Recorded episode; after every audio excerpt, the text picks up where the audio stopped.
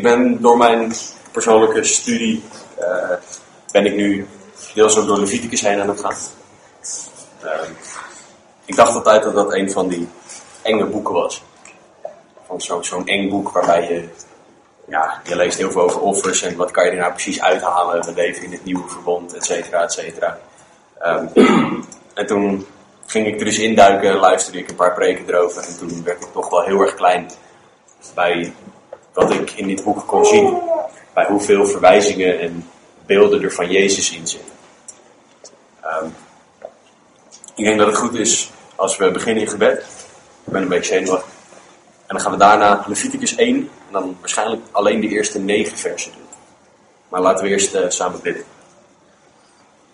Heere God, dank u wel voor dit moment. Heer, dank u wel dat u uw woord gegeven hebt. Dank u wel dat u zoveel rijkdom in uw woord gestopt hebt. Heer, dank u wel ook voor het boek Leviticus. Heer, dank u wel dat u dat boek gegeven hebt, Heer. Dank u wel dat u er zoveel instructies in hebt gegeven. Dank u wel voor de, de vooruitblik die u daarin gegeven hebt naar Jezus. Dank u wel voor de genade, de liefde, de vrede, de warmhartigheid die erin zo duidelijk naar voren komt, Heer, ondanks dat er zoveel bloed vloeit. Heer, dank u wel voor wie u bent en dat u ook gaat spreken. Heer, spreek door mij heen, laat mij geen woorden zeggen die niet van uw lippen komen. Heer, laat mij alleen spreken wat echt uw woord is. En Heer, open onze harten voor wat u wil zeggen deze ochtend. Heer, want ik weet zeker dat u prachtig mooie dingen te zeggen hebt. Open onze oren, onze harten, Heer, voor alles wat u wil zeggen. En Heer, we vragen dit niet omdat wij het verdienen, maar alleen omdat u genade geeft. In Jezus' naam bidden wij. Amen. Laten we gewoon beginnen met lezen van de eerste negen versen van Leviticus 1. En dan gaan we er daarna overnieuw, gaan we er vers voor vers, opnieuw, excuus, gaan we er vers voor vers. Leviticus 1 vers 1. De Heere riep Mozes en sprak tot hem vanuit de tent van ontmoeting. Spreek tot de Israëlieten en zeg tegen hen. Wanneer iemand van u de Heere een offergave wil aanbieden, moet u uw offergave aanbieden van het vee van de runderen en van het kleinvee. Als zijn offergave een brandoffer van runderen is, moet hij een mannetje zonder enig gebrek aanbieden. Hij moet dat bij de ingang van de tent van ontmoeting aanbieden om een welgevallen voor zich te vinden, voor het aangezicht van de Heer. Daarna moet hij zijn hand op de kop van het brandoffer leggen, zodat het hem ten goede zal komen, door verzoening voor hem te bewerken. Dan moet hij het jonge rund slachten voor het aangezicht van de Heer. En de zonen van Aaron, de priesters, moeten het bloed aanbieden en het bloed sprenkelen rondom, het al, rondom op het altaar, dat bij de ingang van de ontmoeting is, van de tent van ontmoeting is. Daarna moet hij de huid van het brandoffer afstropen en het in stukken verdelen. Vervolgens moeten de zonen van de priesters, eh, van de priester Aaron vuur maken op het altaar en hout op het vuur schikken. En dan moeten de zonen van Aaron, de priesters, de stukken, de kop en het vet schikken op het hout dat op het vuur van het altaar ligt. Maar zijn ingewanden en zijn poten moet men met water wassen. En de priester moet dat alles op het altaar in rook laten opgaan. Het is een brandoffer, een vuuroffer, een aangename geur voor de Heer. Nou, ik hoop dat jullie wel snappen wat alle beelden van Jezus zijn. Op zich vrij duidelijk. Nee, ik, ik zat dit te lezen in eerste instantie en toen dacht ik, dat is wel bijzonder. Wat, wat wil God hier nou mee zeggen? Voordat we daarop ingaan wil ik even een kort, kort uitleggen wat de situatie is van dit hoofdstuk. Um, van dit boek zelfs. Je hebt Exodus dat ervoor zit, je hebt Numeri dat erna zit. En in Exodus 40 vers 7 staat dat um, God tot, uh, tot Israël gesproken had en dat ze klaar waren met de voorbereiding voor de tabernakel in het tweede jaar nadat ze uit Egypte waren, gegaan waren in die eerste maand. Numeri 1 vers 1 zegt dat ze verder gingen in het tweede jaar in de tweede maand. Dus tussen Exodus 40 vers 7, tweede jaar eerste maand, en Numeri tweede jaar tweede maand, zit Leviticus. Dit boek heeft, eh, gaat over een tijdspanne van één maand. En in één maand geeft God 27 hoofdstukken met instructies over hoe om te gaan met offer, hoe om te gaan met ziekte, welke dieren wel, welke dieren niet gegeten mogen worden. In 27 hoofdstukken geeft God dat allemaal aan Israël en dat duurt één maand. Er zit weinig verhaal in. Er zit één stukje verhaal in van twee priesters die verkeerd vuur aanbieden en daar daardoor verkeerd offeren en daardoor de, de consequenties van God ontvangen. Maar voor de rest is dit boek instructies. Instructies van God. Dit moet je doen, dat moet je doen. Dit moet je wel doen, dat moet je niet doen. Dit mag je eten, dat mag je niet eten. Bij niet alles staat ook een uitleg. Bij sommige dingen is het gewoon domweg doen. En ook hier, wanneer we hier aankomen, weet ik niet of de mensen precies snapten waarom ze dit moesten doen. Waarom het precies op die manier moest. Wij hebben het voordeel van de volledige Bijbel, waardoor we dingen in een veel groter perspectief kunnen plaatsen. We kunnen zien in welk perspectief, voornamelijk het perspectief van Jezus, een hele hoop van deze dingen staan. Dat maakt het heel rijk en heel waardevol. En waar we vanochtend naar gaan kijken zijn drie dingen. De rol van de aanbidder, dus degene die met het dier komt. We gaan kijken naar de beelden die, daar, die, dat, die daarmee naar Jezus wijzen. En we gaan kijken, wat heeft het nou voor jou en voor mij voor betekenis? Het gaat door elkaar heen, maar ik zal het proberen um, ook zo duidelijk mogelijk te maken. Um, God geeft in vijf hoofdstukken, in Leviticus 1 tot en met 5, geeft hij vijf offers aan Israël, waarvan we er vandaag eentje gaan behandelen. Hij geeft ten eerste het brandoffer, wat toewijding van de aanbidder betekent. Want alles wordt opgebrand. Er blijft niks over van de aanbidder zelf of van het offer. Alles gaat naar de Heer, alles wordt toegewijd aan God. Daarna krijg je het graan of het maaltijdoffer, wat toewijding van de dienst is. Je moet werken ook voor dat voedsel en dat, die, die dienstbaarheid die wijdt je toe aan de Heer. Het derde offer is het dankoffer. Toewijding van aanbidding, toewijding van fellowship met aan de Heer. Dan heb je het zondeoffer. God wist al, jullie gaan zondigen. En ik geef vast van tevoren aan hoe je dan weer terug kan komen bij mij. En als vijfde het schuldoffer, voor als je iets echt per ongeluk gedaan hebt. Stel jij bent bezig met je bijl en de kop van de bijl vliegt eraf en die doodt iemand, kan je een schuldoffer brengen. Omdat het tot op zekere hoogte wel jouw schuld is. Maar dat is erkenning van schuld. Die vijf offers geeft God. Die vijf offers zijn er. En we gaan vandaag gaan kijken naar het brandoffer, oftewel de toewijding, complete toewijding aan God. En als we dan beginnen in vers 1, dan zegt, dan zegt het, de Heere riep Mozes en sprak tot hem vanuit de tent van ontmoeting. De tent van ontmoeting, moet je je voorstellen, dat is de tabernakel met het voorhof erbij. En God die spreekt dan vanuit één specifiek gebied en die spreekt daar naar Mozes. En God zegt daar, spreek tot de Israëlieten en zeg tegen hen, wanneer iemand van u een offergave wil aanbieden, moet u uw offergave aanbieden van het vee, van de runderen en van het kleinvee. En wat hier heel belangrijk is, is dat God zegt, wanneer iemand van u een offergave wil aanbieden. God legt het niet op. God zegt niet, je moet en je zal het doen. God zegt tegen de mens, ik hou oneindig veel van jou, maar jij moet ook wel willen. God zet de eerste stap, maar wij moeten ook een stap zijn richting op willen doen. En God zegt hier dus op het moment dat je mij je offergave wil aanbieden. Nogmaals, het brandoffer, waar we het hier over hebben, is een offer van toewijding. Complete toewijding aan de Heer. Maar dat moet je wel willen. Gezondheid. De allereerste vraag dus is: wil jij jezelf toewijden aan God? Een tijdje geleden had ik een uh, discussie, of een discussie, een gesprek met Taco. Uh, hij, hij, komt regelmatig bij ons op de, de woensdagavond. Of, uh, dan kan hij met ons mee eten thuis en daarna mee naar de studie. En we hadden het over, uh, over mensen die ervoor kiezen om niet met God te wandelen. En Taco die noemde iets, hij zei, God houdt zoveel van die mensen, dat hij ze niet zal dwingen om de hemel in te gaan. En ook hier, God zal de Israëlieten nooit dwingen om dit te doen. Hij geeft aan wat de voor- en de nadelen zijn, wat de gevolgen zijn van het wel en niet doen. Maar hij zegt niet, je moet. Toewijding is een keuze. Toewijding aan de Heer is een keuze.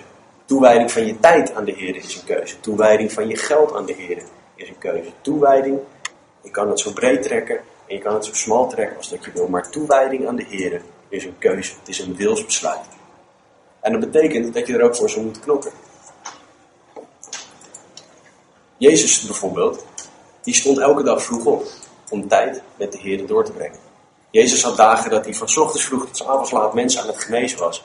En dan staat er dat hij de volgende ochtend vroeg opstond om te bidden. Of dat hij de nacht doorhaalde om te bidden. Het was een keuze van Jezus. Hij wilde dat. En zo geldt het ook voor ons. Wij moeten willen. Wij moeten willen om de Heer een offergave te geven. Jeremia 17:10 zegt, ik de Heer doorgrond het hart. Ik beproef de nieren. De Heer weet of jij wel wil of niet.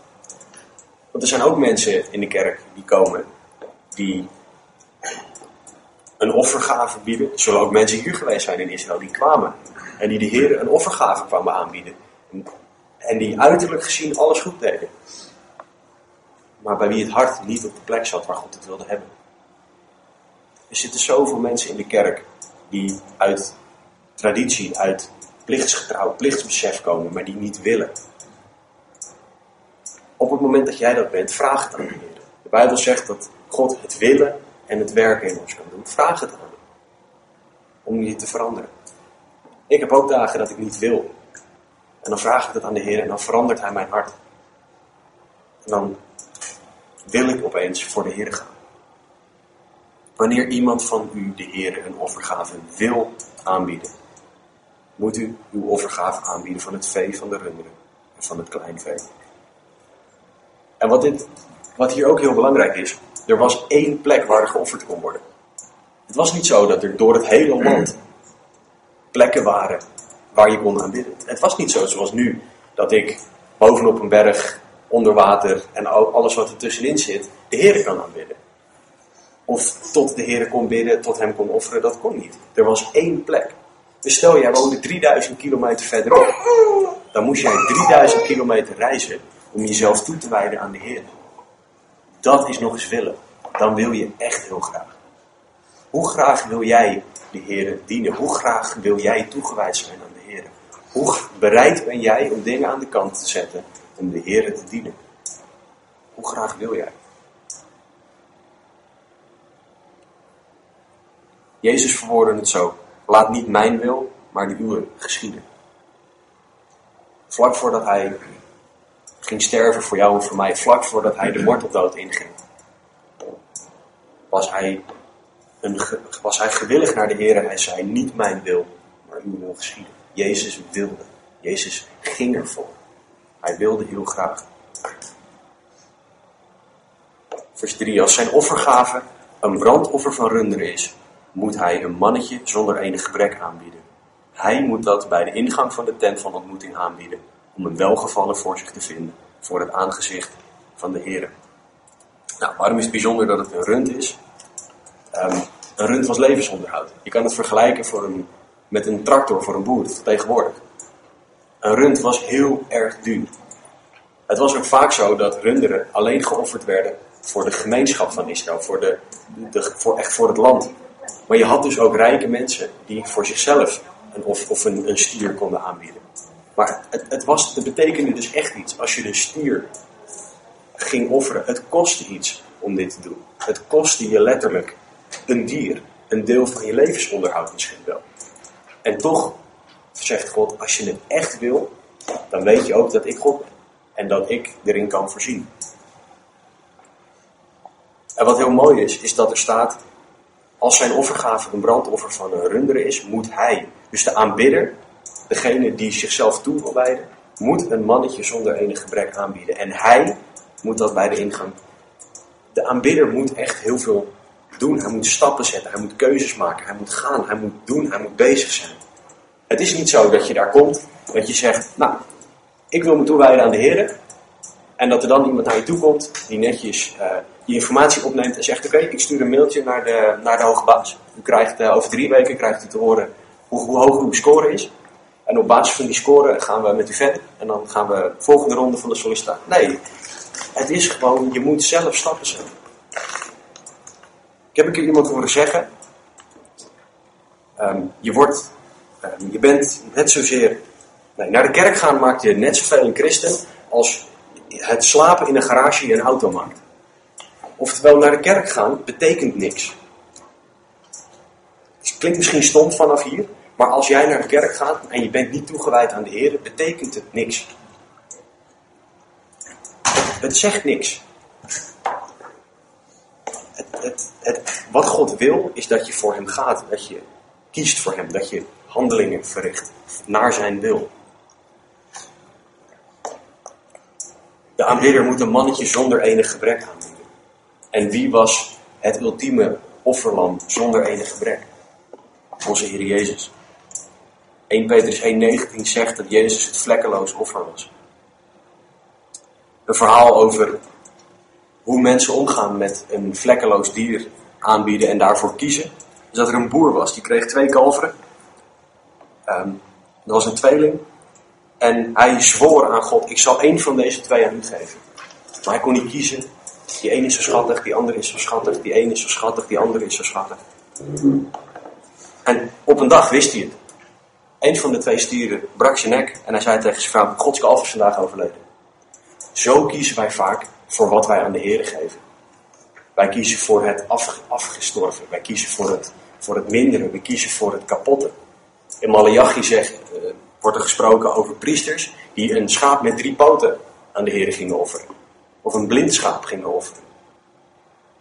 De Heer zegt, ik wil een mannetje zonder enig gebrek van jou Heer Jezus Christus was het enige offerdier. Of de enige offer dat ooit perfect was.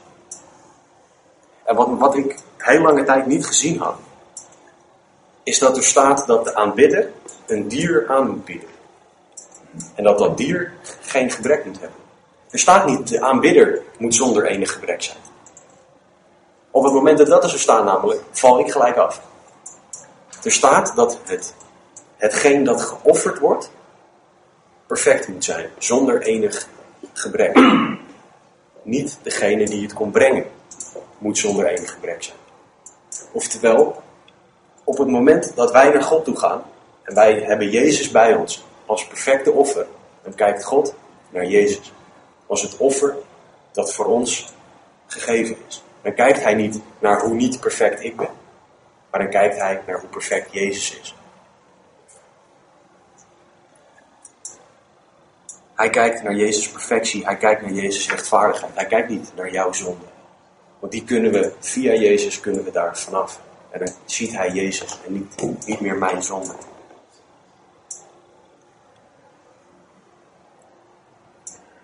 Het offer moet geïnspecteerd worden en we mogen zo dankbaar zijn dat Jezus geïnspecteerd wordt en niet ik. En wat ook heel bijzonder is, is dat voordat de aanbidder de plek van Gods aanwezigheid kan benaderen, is er een offer nodig. Wij kunnen niet bij Gods aanwezigheid komen zonder dat er een offer voor ons is, namelijk Jezus Christus. Wij kunnen niet uit onszelf naar God toe gaan en het goed genoeg doen, dus aanhalingstekens, om bij God te komen. De standaard is perfectie. In alles. Vanaf het moment dat wij geboren zijn, zeggen de psalmen, zijn wij al zondig. Dus dan kunnen we al nooit meer voldoen. Daarom is het fantastisch dat wij met Jezus naar, naar de Heer toe kunnen gaan. En kunnen zeggen, Heer, uw zoon is voor mij gestorven. Uw zoon is voor mijn zonde aan het kruis gegaan. En mag ik nu alsjeblieft bij u komen?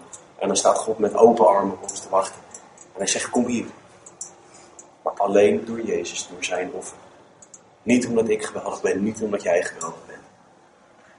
We hadden het er vanochtend nog even kort met Willem over. Je hebt goede zondaren, je hebt slechte zondaren, maar allemaal zijn we zondaren. En of je nou een goede of een slechte zondaar bent, je hebt Jezus nodig. Dus iedereen heeft Jezus nodig. Het volgende dat de aanbidder moet doen, is eigenlijk misschien nog wel veel mooier. Er staat in vers 4, daarna moet hij, de aanbidder, zijn hand op de kop van het brandoffer leggen, zodat het hem ten goede zal komen door verzoening voor hem te bewerken. Wat dat letterlijk betekent, zijn hand op de kop leggen, is steunen op. Dus als aanbidder, stel je hebt je koe naast je, dan moet je erop leunen. Je moet er echt op steunen. Jij blijft overeind door dat offerdier. Op het moment, betrek dat even op je dagelijks leven en Jezus is het offer. Op het moment dat wij op Jezus steunen, op Jezus leunen, dan kunnen wij doen wat God van ons vraagt. Op het moment dat ik op mijn eigen capaciteiten, mijn eigen denken, mijn eigen kunnen ga leunen, wordt één groot fiasco. Wij hebben het nodig om op Jezus te leunen. En dat is zo fantastisch dat Hij dat toestaat. Want Hij is de perfecte God. En wij zijn een zandkorreltje die er een ontzettend grote puinhoop van maakt. En toch mogen wij steunen op de kop van het brandoffer. Hoe fantastisch is dat? Hoe geweldig is het dat wij mogen steunen op Jezus? In het volgende vers wordt het dier geslacht. En wat dat betekende, is dat er met een ontzettend scherp mes de keel doorgesneden werd en dat het dier leegbloedde. Maar er staat niet dat de aanbidder gestopt is met leunen. Dus al leunend op het dier moet de aanbidder zelf de keel doorsnijden van de stier. En hij voelt dus het leven van die stier uit dat beest wegvloeien. Hij voelt dat dat beest begint te, wankelen en dat hij door zijn knieën zakt. Wij steunen op Jezus, ook in zijn offer. Wij hebben het nodig dat Jezus geofferd is. Wij hebben het nodig om te voelen, om zoveel mogelijk, voor zover wij dat kunnen, te begrijpen wat zijn offer is. Ik ben niet. Ik, ik ben opgegroeid in de kerk, laat ik het zo zeggen. Ik ben zo'n beetje nog net niet in de kerk geboren. En het is voor mij af en toe lastig om het te beseffen hoe groot Gods genade is. Omdat ik in de kerk opgegroeid ben. Dat klinkt misschien heel stom. Ik heb wel eens ook gedacht, Heer, zou het niet beter zijn als ik nu gewoon even een paar jaar de wereld intrek, allemaal gekke dingen doe en dan door u weer teruggebracht word?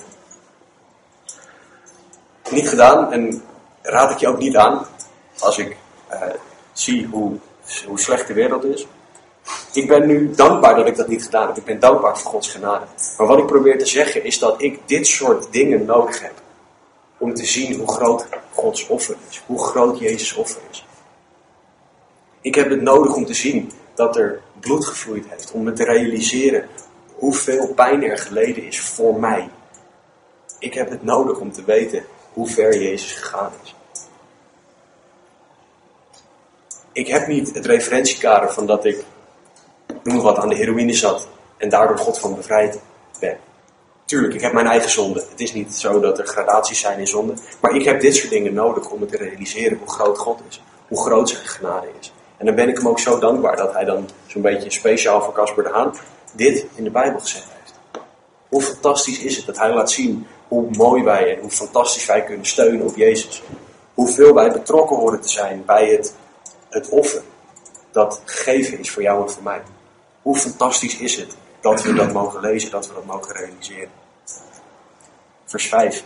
Dan moet de aanbidder het jonge rund slachten voor het aangezicht van de Heer. En dat betekent in eerste instantie de keel doorsnijden. En de zonen van Aaron, de priesters, moeten het bloed aanbieden en het bloed sprenkelen rondom op het altaar dat bij de ingang van de ontmoeting is. Je hebt bij de ingang van, het, van de voorhof heb je een koperen altaar staan, het brandofferaltaar. Koper was het, is een metaal van orde. Het koper, een metaal dat op hele hoge temperatuur uh, gesmolten moet worden om puur te worden. Ook wij moeten op hele hoge temperatuur gesmolten worden om puur te worden. Wij moeten gebrand worden, weggebrand worden, schoongebrand worden van al onze zonden. En dat is wat er hier gebeurt. Het bloed is wat er nodig is om deze aanbidder toegang te geven tot de Heer. Er zijn heel veel kerken tegenwoordig waar men niet meer wil praten over het bloed van Jezus. Men wil praten over de liefde van Jezus. Men wil praten over de goedheid van Jezus. Men wil praten over de goedheid van God. Over alle fantastische zegeningen die God geeft. Over alle dingen die we van God krijgen. Behalve over het bloed. Hebreeën 9:22 zegt dat zonder het vergieten van bloed er geen vergeving plaatsvindt. Efeze 1:7 zegt in hem, en dat is in Jezus, hebben wij de verlossing door zijn bloed. Namelijk de vergeving van de overtredingen overeenkomstig de rijkdom van zijn genade. Op het moment dat wij als kerk het bloed van Jezus Christus weghalen, op het moment dat wij stoppen met praten over het bloed van Jezus Christus, is er geen vergeving en kunnen we net zo goed thuis gaan. Zonder het bloed van Jezus zijn wij slechts een social club die samenkomt een onmogelijk tijdstip op zondagochtend. Zonder het bloed van Jezus Christus zijn wij niks. De aanbidder snijdt keel door van, van die stier die van hemzelf is. En ik heb opgezocht, het kan tot een half uur duren totdat een koe leeg is. Ik weet dat het zijn geen leuke details, maar wat heel bijzonder is, is dat deze aanbidder wist en zag wat zijn zonde kostte. Hij wist en zag wat zijn toewijding kostte. Deze persoon zag hoeveel er moest gebeuren voordat hij bij de Heer kon komen. Voor ons kan het af en toe lijken, schietgebedje, dan zijn we klaar. Dat is niet hoeveel het gekost heeft om jou en mij toegang te geven tot de Heer. Het bloed van Jezus Christus heeft gevloeid. Hij is leeg gebloed voor jou en voor mij. En daardoor kunnen wij bij hem komen. Dat is zo belangrijk om je te realiseren. En dit, dit rund wordt ook nog geslacht voor het aangezicht van de Heer. In dit hoofdstuk, of in dit boek, sorry, wordt meer dan 50 keer de uitdrukking voor het aangezicht van de Heer genoemd. Dat is meer dan een vijfde van het aantal keer dat die term voorkomt voor het aangezicht van de Heer in het hele Oude Testament. En volgens mij zelfs in de hele Bijbel. Een vijfde van de keren komt het voor in een boek over hoe wij bij God kunnen komen. Leviticus. Alles gebeurt hier voor het aangezicht van de Heer. Jezus offer is ook voor het aangezicht van de Heer gebeurd. God heeft het gezien, God weet. God kan er altijd naar terugrefereren. Op het moment dat wij zeggen, Heer vergeef mij, ik beroep mij op het bloed van Jezus Christus. En dan weet God, Jezus is gestorven. Hij is leeggebloed. Dat is genoeg.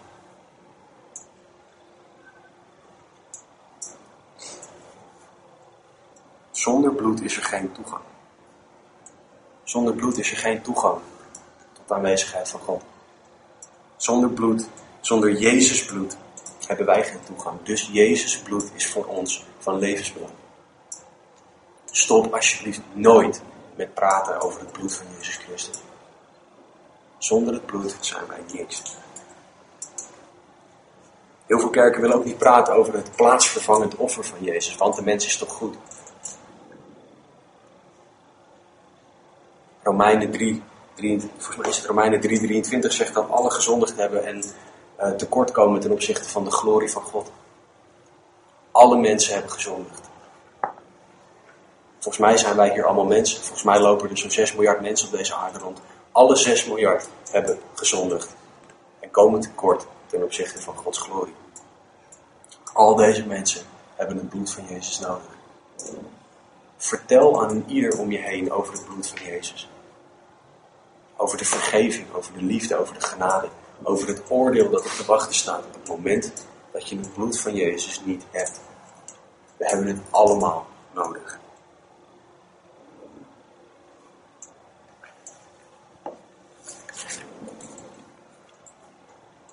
Laten we doorlezen in vers 6. Daarna moet hij de huid van het brandoffer afstropen en het in stukken verdelen. Zeg dat je dus hier nu al een half uur hebt staan wachten. Met de geur van bloed in je neus. Met een dier waarop je leunt wat in elkaar aan het storten is. En dan moet je daarna de huid van een koe gaan afhalen. Koeien zijn vrij groot. Het zijn grote dieren. Ze hebben een hoop huid erop zitten. En dan is, is aan jou nu de taak om dat eraf te gaan halen. Hoe lang, hoe lang duurt dat? Ik heb echt geen idee. Duurt het een uur? Twee uur? Duurt het vier uur? Ik heb wat video's opgezocht op YouTube over hoe dat werkt. Dat is geen mooi, mooi aanzicht. Dat is echt niet mooi. En toch moet de aanbidder de huid van het brandoffer afsluiten. Hoeveel besef heb je dan wel niet van wat jouw zonde kost? Want je bent continu bezig met dat dier dat de zonde voor jou overgenomen heeft. Dat is namelijk wat het betekende om je handen erop te leggen, om te steunen op dat dier. Je erkende dat jij zondig was en je erkende dat je vergeving nodig had en je legt jouw zonde op dat dier zonder enig gebrek neer. Dat is wat je doet. En je bent nu, zeg dat het drie uur kost. Je bent er nu al drie en een half uur bezig met dat beest. Wat gaat er dan door je gedachten heen? Wij horen op zondagochtend, Jezus is voor je zonde gestorven. We horen dat een half uur lang. Als, als het, de preek lang duurt, misschien een uur. Maar je bent niet zelf bezig met, met het offeren van. Je bent niet zelf bezig met het, de huid afstropen van een koe. Hoeveel zondebesef heb je op dit moment? Hoeveel besef van de kosten van jouw toewijding heb je op dit moment? Op het moment dat je drie en een half uur al bezig bent. En dat je dan nog niet klaar bent.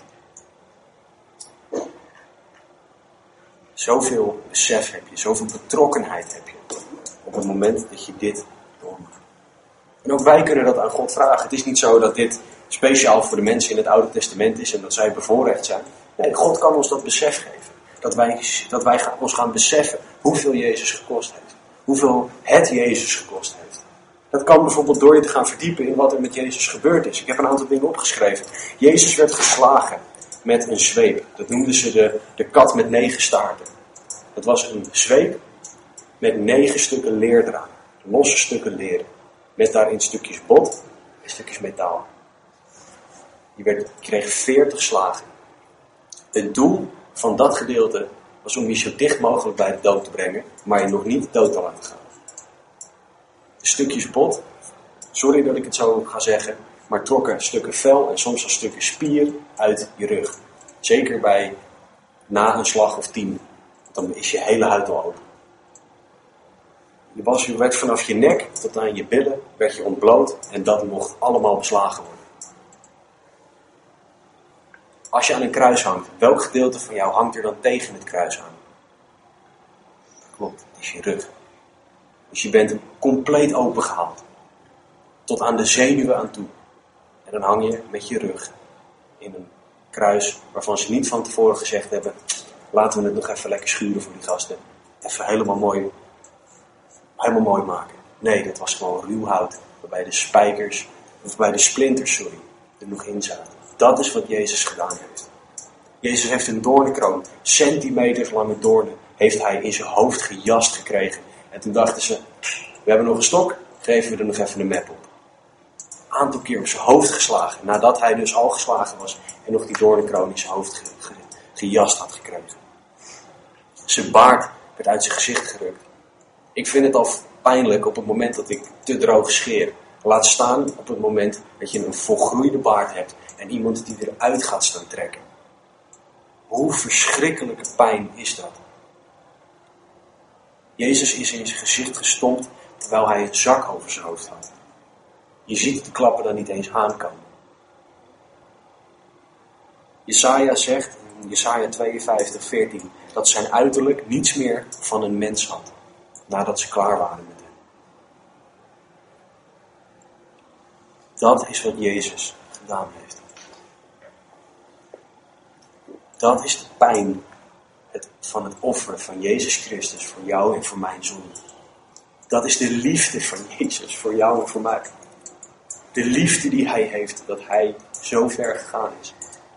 Vergeet niet, hè, de God die dit onderging was almachtig. Jezus had kunnen zeggen op elk moment, ik ben het zat. En hij had nog niet eens in zijn vingers hoeven knippen en de hele aarde was leeg.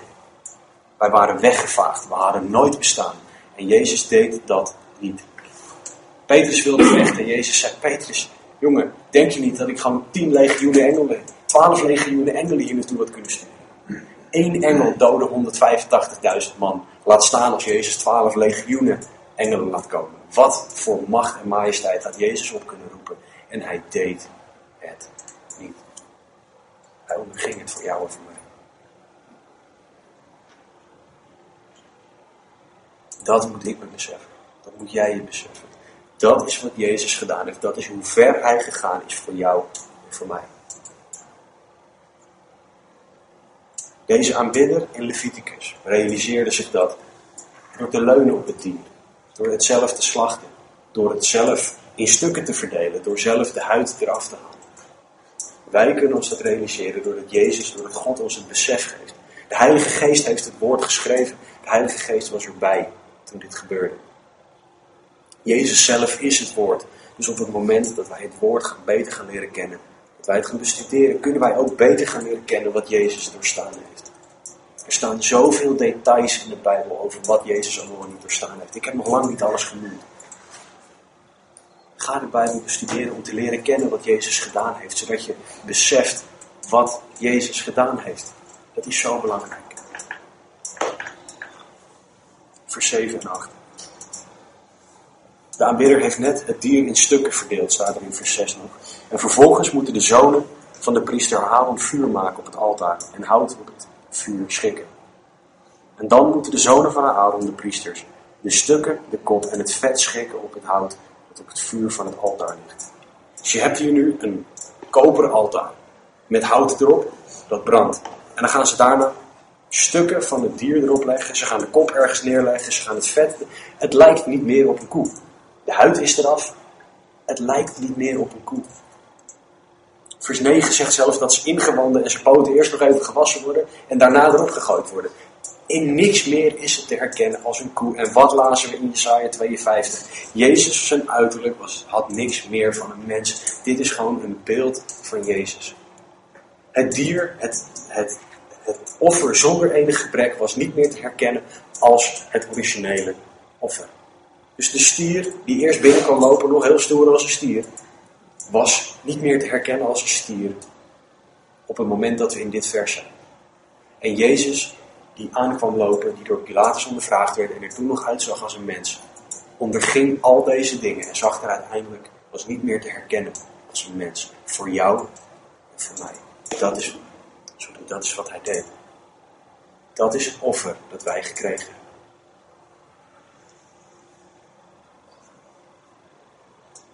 Vers 9. Zijn ingewanden en zijn poten moet men met water wassen. En de priester moet alles op het altaar in rook laten opgaan. Het is een brandoffer, een vuuroffer. Een aangename geur voor de Heer. De aanbidder heeft de koe of de stier in stukken gehakt. En heeft de ingewanden er dus uit moeten halen. Dat is al niet heel aantrekkelijk. En dan moet hij ze ook nog even gaan staan wassen met water. Nou, ik weet niet of er daar stromend water was. Dus dat er een, een beekje bijvoorbeeld langs liep. Het kan zijn dat hij gewoon nog even moest gaan wandelen ook. Om die ingewanden en die poten te kunnen gaan wassen. Ik noem maar wat, stel, dat is 500 meter. Noem maar iets geks. Stel, 500 meter verderop was er een stroompje. Dan moet je dus dat stuk lopen om die ingewanden en die poten te kunnen wassen. Hoe neem je dat mee? Het zal geen mooi gezicht geweest zijn. Het zal niet aantrekkelijk zijn om dit te doen. En wat hadden we aan het begin gelezen? Als iemand een offergave wil aanbieden, dus je moet het willen. Je moet het willen om dit allemaal te doen. Je moet het willen om deze weg te gaan. Je moet het willen om ook dit te doen. En wat betekent het nou om zijn ingewanden en zijn poten achteraf te wassen? Ingewanden staan gewoon voor het innerlijk. Ingewanden waren een delicatesse in die tijd. Het belangrijkste, het innerlijke, het geestelijke moet gereinigd worden. Tegenwoordig hebben we heel veel diëten. Tegenwoordig hebben we heel veel. Uh, we letten op of we E-nummers eten. We letten op of we dit eten, of we dat eten. Dat kan kanker geven, dat kan kanker geven. Wij letten zo op, meeste van ons dan, wat we in ons fysieke lichaam naar binnen krijgen. Hoeveel meer moeten wij dan niet opletten wat wij in ons geestelijk leven naar binnen krijgen? Er is zoveel tv, reclame, internet, radio, weet ik het wat. Wat allemaal dingen ons leven, ons hart, ons geestelijk leven ook inwerkt. Wat niks met God te maken wil hebben.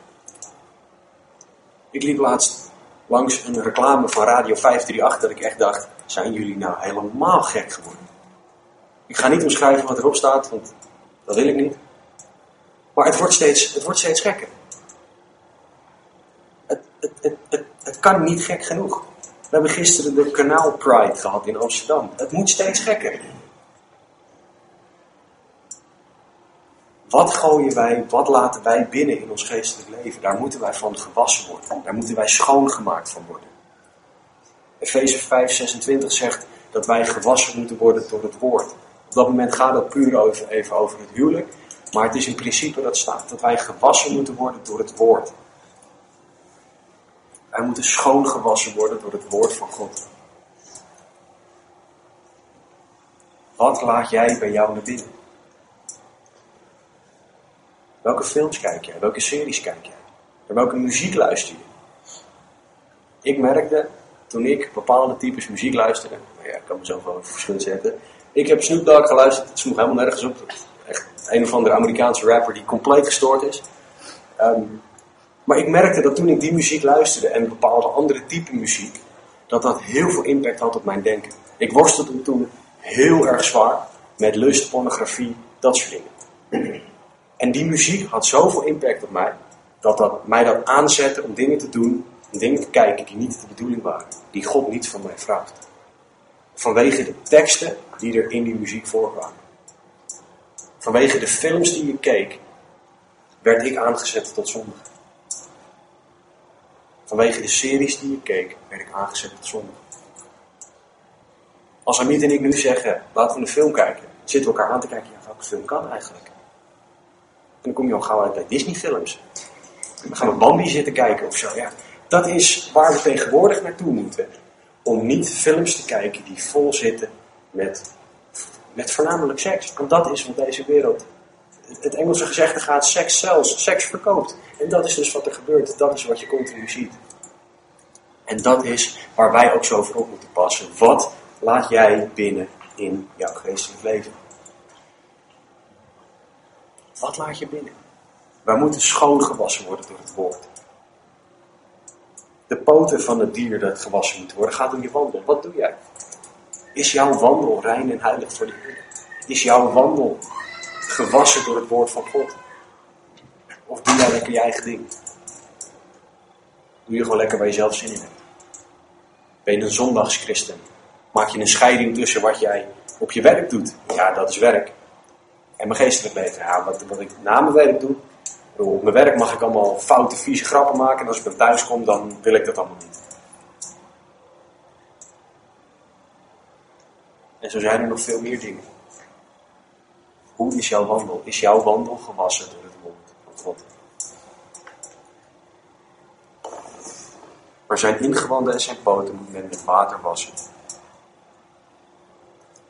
En de priester moet dat alles op het altaar in rook laten opgaan. Alles van het dier gaat in rook op. Complete toewijding. Datgene wat jij en ik niet kunnen, namelijk complete toewijding aan de Heer. We zingen vaak liedjes, of we zingen wel eens liedjes, I surrender all. Ik geef alles aan u, Heer. Fantastische woorden. Ik heb een keer een aanbiddingsleider horen zeggen dat christenen de grootste hypocrieten zijn die er op deze planeet rondlopen. Omdat wij dat soort liedjes zingen en het niet doen. Ik preek, hier voornamelijk tegen mezelf. Hè? Op het moment dat ik erover nadenk wat ik zing, I surrender all, ik geef u alles, Heer. Is dat dan wel zo? Of pak ik niet drie tellen later gewoon weer alles terug? Als ik echt een hele goede dag heb, pak ik het tien tellen later terug. Zo, zo zitten wij in elkaar als mensen. Dat doen wij. Het offer wordt hier compleet aan God toegewijd. Jezus is complete toewijding aan God. Dat heeft Hij als voorbeeld gegeven aan ons. Dat is waar wij op moeten vertrouwen. Dat is op wie wij moeten leunen. Dat is op wie wij moeten vertrouwen en steunen. Het is een brandoffer, een vuuroffer, een aangename geur voor de Heer. Jezus is gewoon het perfecte offer.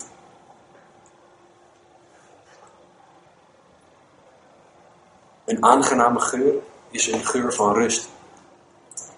Dat is wat het Hebreeuws betekent. Een geur van rust bij de Heer. Offeren aan de Heer brengt rust tussen jou en God. Het offer van Jezus brengt rust tussen jou Het offer van Jezus brengt rust tussen mij en God. In Jesaja staat dat onze zonden scheiding brengen tussen God en mens. En het is zo dat het offer van Jezus daar rust brengt. De rust die wij nodig hebben om bij God te kunnen komen. De rust die wij elke dag nodig hebben. We leven in een steeds drukkere maatschappij. Zeker met onze magnetronmaatschappij, waarin we alles nu direct en eigenlijk gisteren willen hebben. Rust bij de Heer. Nog vanochtend lezen in Jesaja, waar staat dat allen die de Heer verwachten, rust zullen ontvangen. De enige manier om de Heer te verwachten is door Jezus Christus. Door het offer aan het kruis, door het offer dat Jezus gegeven heeft. Jezus bloed geeft toegang tot God. Jezus is het perfecte offer, het mannetje zonder enig gebrek. Via Jezus mogen wij het heiligdom binnengaan. Wij moeten op Jezus steunen, zoals er in vers 4 op het, op, op het dier gesteund werd. Jezus is geslacht. En wij mogen ons realiseren wat het betekent dat hij voor ons geslacht is. Jezus bloed wordt aangeboden aan de Heer en dat is wat onze zonde bedekt. Jezus was niet meer te herkennen als een mens vanwege jou en vanwege mijn zonde. Onze ingewanden en onze poten, onze, ons innerlijk en onze wandel moeten geheiligd en gereinigd worden door het woord van God. En wij horen door Jezus een aangename en vrede geur bij God te brengen. Maar hoe doe je dat nou? Hele hoop mooie woorden, hele hoop offertaal. Het betekent niks meer en niks minder dat je zegt, Jezus, ik accepteer uw offer. Simpel is het. En dat je gewoon gaat zeggen en daarna gaat leven, dat je gaat vragen, Heer, verander mij naar uw wil. Heere, Jezus Christus, ik geloof dat u voor mij zonde gestorven bent. Ik heb u nodig. Kom in mijn hart, verander mij alsjeblieft naar uw wil. Dat is wat wij allemaal nodig hebben, elke dag, elk moment van elke dag. Jezus is voor ons compleet toegewijd geworden aan God. Compleet toegewijd aan God. Dat deed hij. Hij gaf alles van zichzelf. Hoe toegewijd ben jij? Dus op het moment dat je nog niet gered bent. Stel je zit hier en je hebt Jezus nog niet aangenomen als verlosser en Heer. En ik kan dat vanaf de buitenkant niet zien. Ik kan niet in jouw hart kijken. Besef wat Jezus voor jou gedaan heeft. Besef je dat Hij leeggebloed is voor jou. Besef je dat Hij spijkers door zijn handen en zijn voeten heeft gekregen. Besef je alle dingen die ik eerder genoemd heb. Baard uit zijn gezicht. Geslagen met een zweep, et cetera, et cetera. Besef je dat Hij dat voor jou gedaan heeft. Terwijl jij nog dingen deed die Hem daar aan het kruis genageld hebben. Vraag om vergeving. Vraag om berouw, om bekering. Wat dat betekent, is dat jij een 180 graden draai moet maken. In je gedachten en uiteindelijk in je doen. Van het fouten, van de wereld, van zonde, van de, van de duivel af naar God. 180 graden draaien. Vraag hem dat. Als je niet weet hoe, spreek mij na afloop van de dienst aan. Dan ga ik samen met je bidden. Ben je al wel gered? Weet je dit allemaal? Heb je dit aangenomen? Dan zijn er twee dingen die ik tegen je wil zeggen. Eén, besef je wat Jezus voor jou gedaan heeft. Ik had het nodig om me dit te beseffen.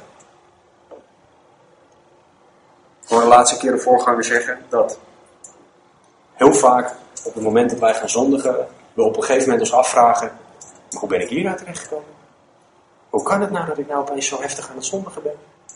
En het begint met een heel klein dingetje. Dat je een heel klein beetje toegeeft. En wat een heel sterk redmiddel is, is je beseffen wat Jezus voor jou gedaan heeft. Omdat je dan weer teruggeworpen wordt op wie Jezus is, wat Hij gedaan heeft en hoeveel je Hem nodig hebt. Besef je wie Jezus is en wat Hij gedaan heeft. Besef dat elke zonde dit gekost heeft. Dat dit het gevolg is van jou en van mijn zonde. En het tweede is op het moment dat je misschien afgekoeld bent. Vraag de Heer om je ogen weer te openen voor wat Hij gedaan heeft. Vraag de Heer om je ogen weer te openen. Hoe Hij wil dat je leeft. Vraag de Heer om je ogen te openen voor de staat van jouw hart. De status van jouw hart. Ben jij afgekoeld? Vraag Hem om te laten zien welke gebieden van jouw leven je opnieuw aan Hem toe moet wijden. Vraag Hem om je te laten zien hoeveel Hij van je houdt hoe dichtbij hij wil zijn en wat hij wel niet gedaan heeft om dat voor elkaar te krijgen. Beroep je op zijn bloed en via het bloed van Jezus mag je voor de Vader komen en mag je hem compleet weer toewijden aan de Heer. Wil nog één vers met jullie lezen uit 2 Korinthe 5.